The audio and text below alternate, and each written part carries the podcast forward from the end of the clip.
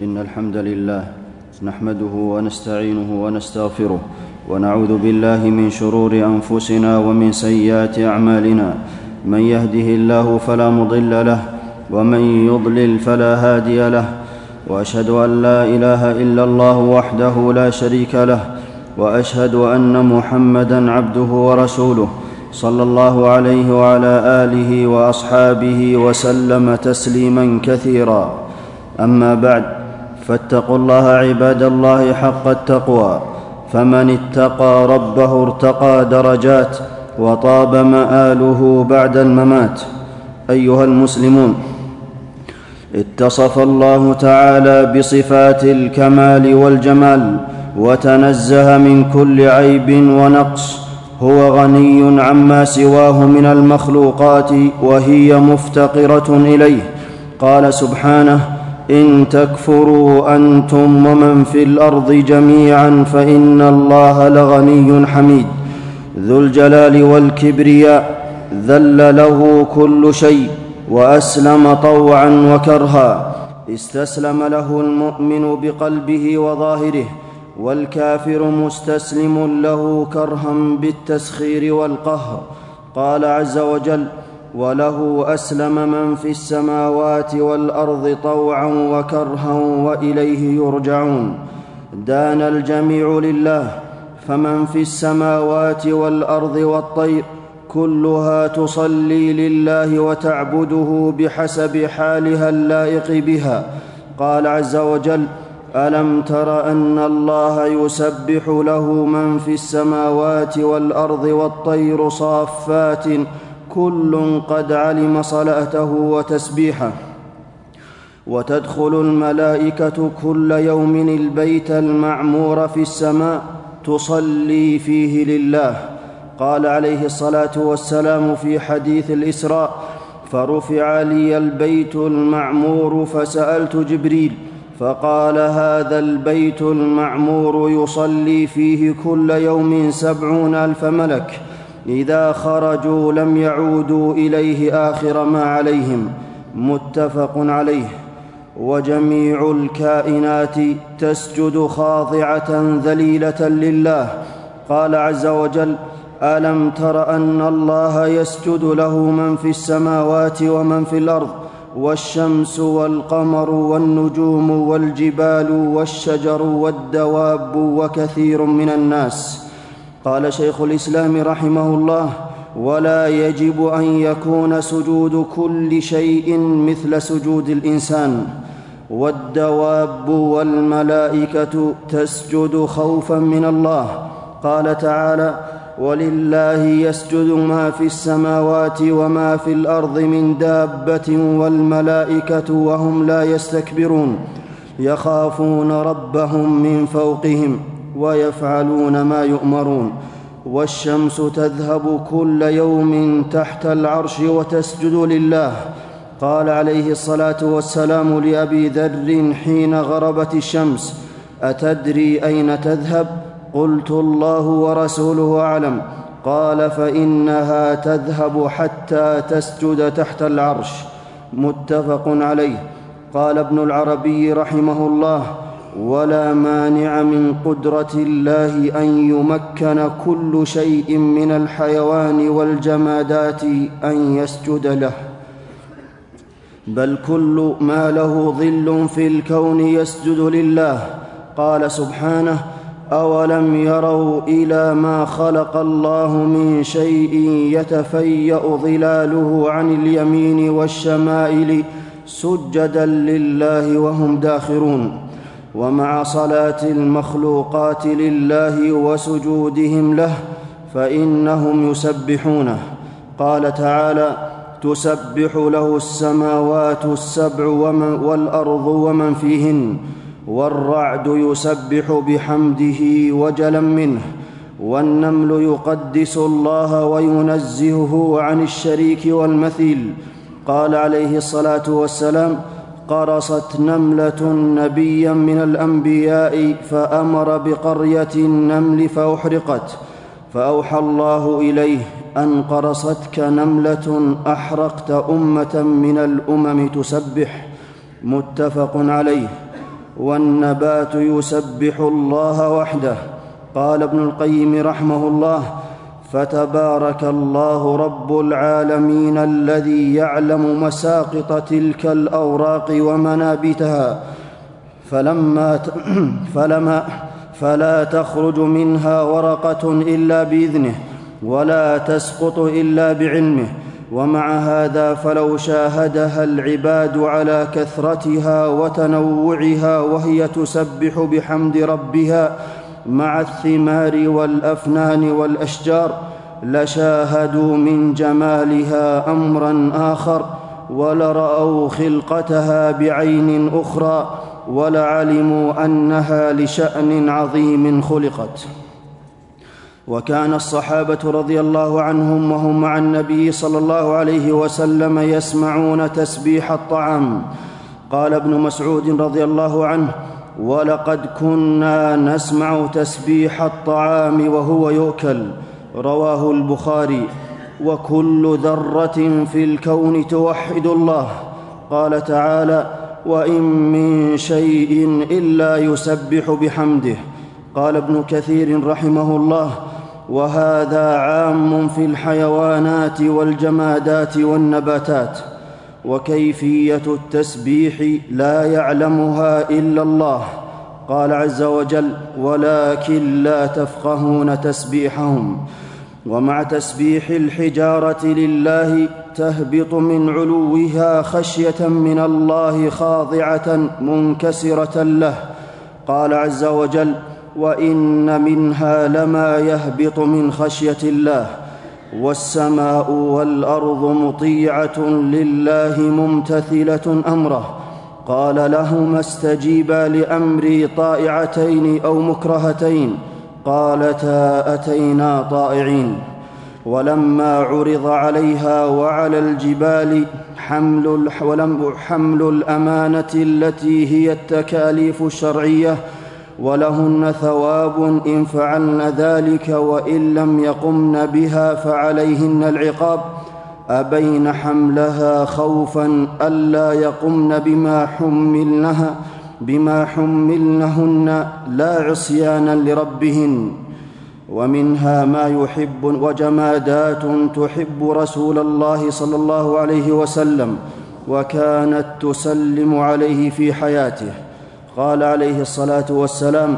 اني لاعرف حجرا بمكه كان يسلم علي قبل ان ابعث اني لاعرفه الان رواه مسلم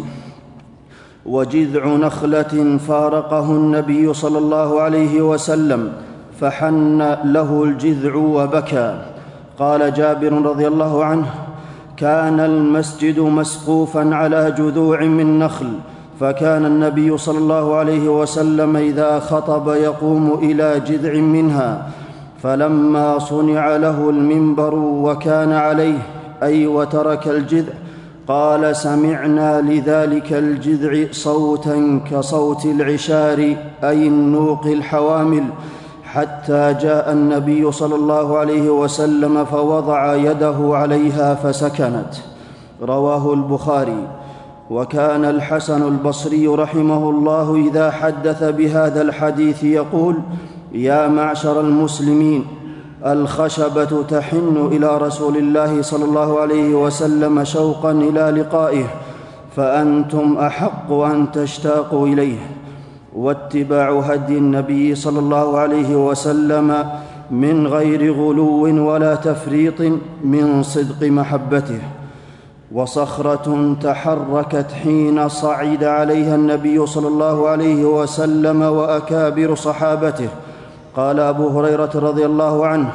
كان رسول الله صلى الله عليه وسلم على حراء جبل بمكه هو وابو بكر وعمر وعثمان وعلي وطلحه والزبير وعلي وطلحه والزبير فتحركت الصخره فقال رسول الله صلى الله عليه وسلم اهدا فما عليك الا نبي او صديق او شهيد رواه مسلم بل اهتز جبل باكمله لما صعده النبي صلى الله عليه وسلم مع خلفاء راشدين قال انس رضي الله عنه صعد النبي صلى الله عليه وسلم احدا ومعه ابو بكر وعمر وعثمان فرجف بهم فضربه برجله قال اثبت احد فما عليك الا نبي او صديق او شهيدان رواه البخاري قال ابن, المي... قال ابن المنير رحمه الله وهذه هزه الطرب ولهذا نص على مقام النبوه والصديقيه والشهاده التي توجب سرور ما اتصلت به ومن اطاع الله ورسوله وهو مؤمن فان جبل احد يحبه قال عليه الصلاه والسلام احد جبل يحبنا ونحبه رواه البخاري قال النووي رحمه الله احد يحبنا حقيقه جعل الله تعالى فيه تمييزا يحب به وكان عند ال رسول الله صلى الله عليه وسلم حيوان وحشي اذا دخل النبي صلى الله عليه وسلم بيته لم يتحرك الحيوان لئلا يؤذي النبي صلى الله عليه وسلم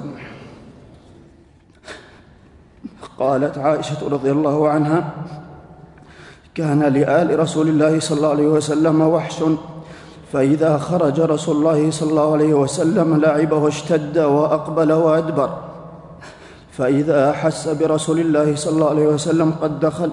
ربض أي جلس فلم يترمرم أي لم يتحرك ما دام رسول الله صلى الله عليه وسلم في البيت كراهية أن يؤذيه رواه أحمد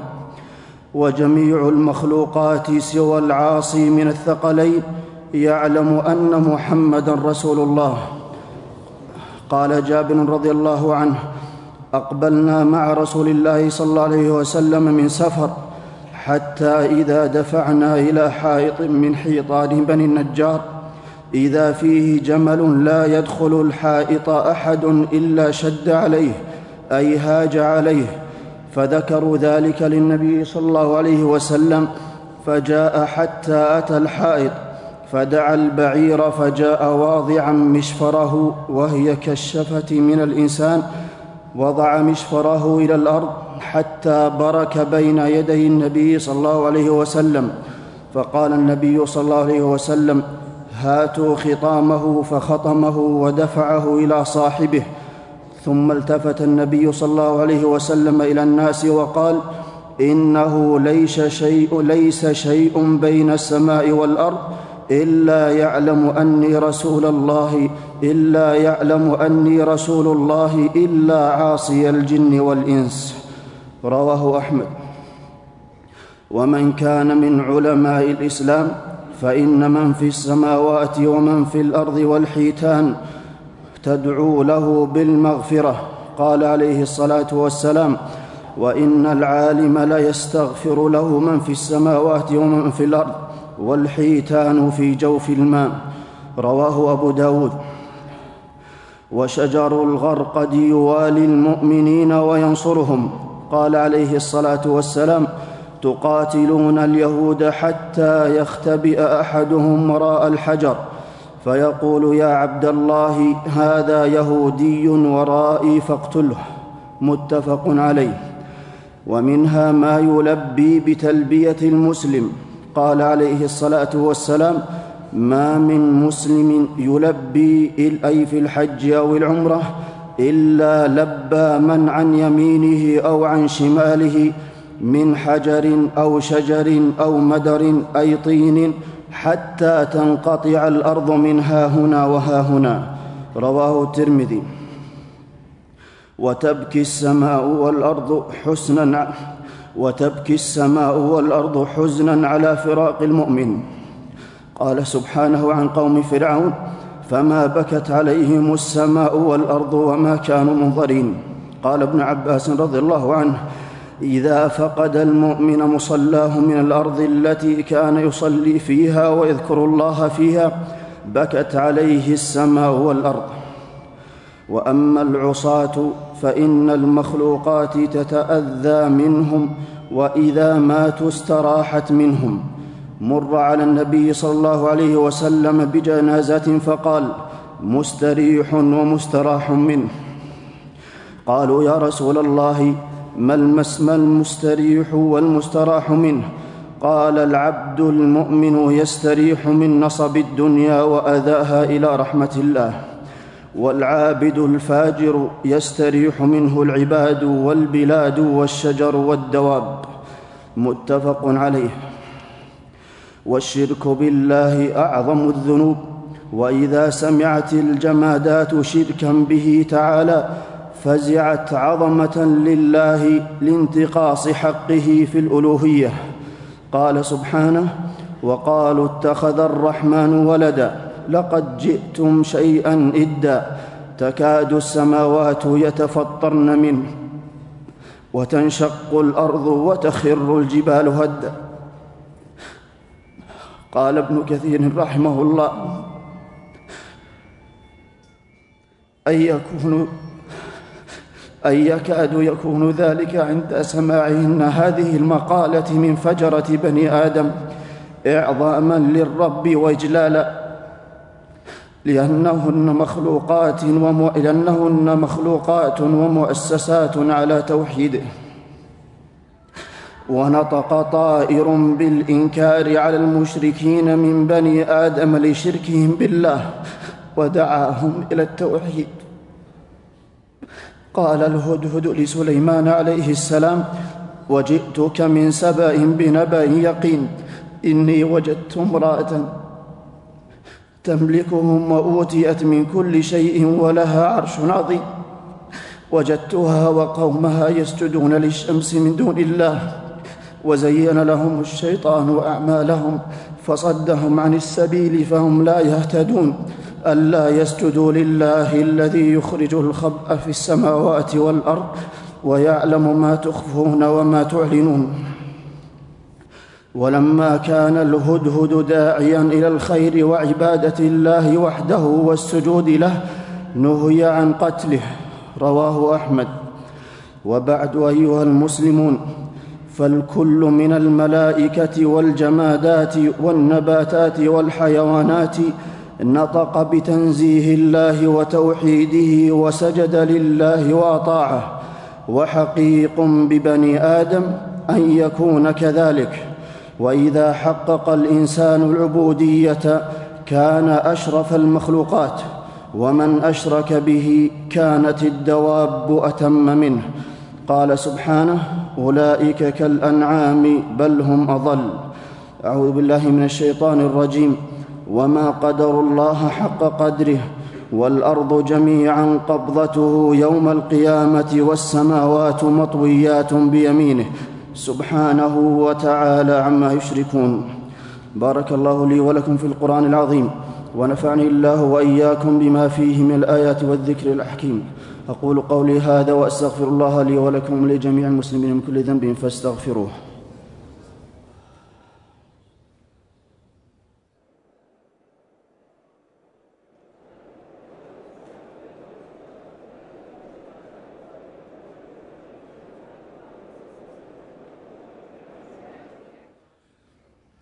الحمد لله على إحسانه والشكر له على توفيقه وامتنانه وأشهد أن لا إله إلا الله وحده لا شريك له تعظيما لشانه وأشهد أن نبينا محمدا عبده ورسوله صلى الله عليه وعلى آله وأصحابه وسلم تسليما مزيدا أيها المسلمون المخلوقات ذليلة لله قانتة له ويحرم أن يدعى شيء منها من دون الله قال سبحانه لا تسجدوا للشمس ولا للقمر واسجدوا لله الذي خلقهن ان كنتم اياه تعبدون قنوتها لله قنت وقنوتها لله مسخ وهي مسخ وخلقها الله لأنها مسخرة لنا لنا ومع قنوتها لله فهي مسخرة لنا لنستعين بها على طاعته قال عز وجل وسخر لكم ما في السماوات وما في الارض جميعا منه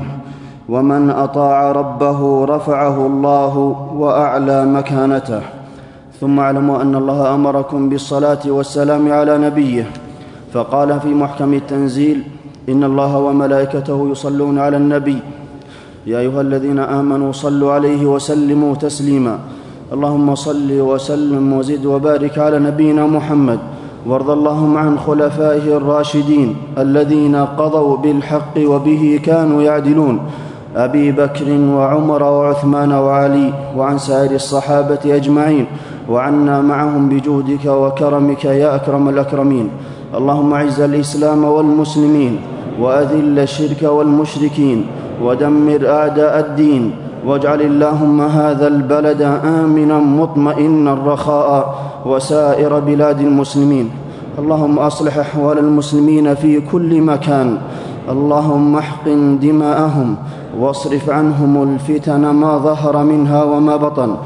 اللهم ول عليهم خيارهم واصرف عنهم شر شرارهم واجعل ديارهم ديار امن وايمان يا قوي يا عزيز اللهم من ارادنا او اراد الاسلام او المسلمين بسوء فاشغله في نفسه واجعل كيده في نحره والق الرعب في قلبه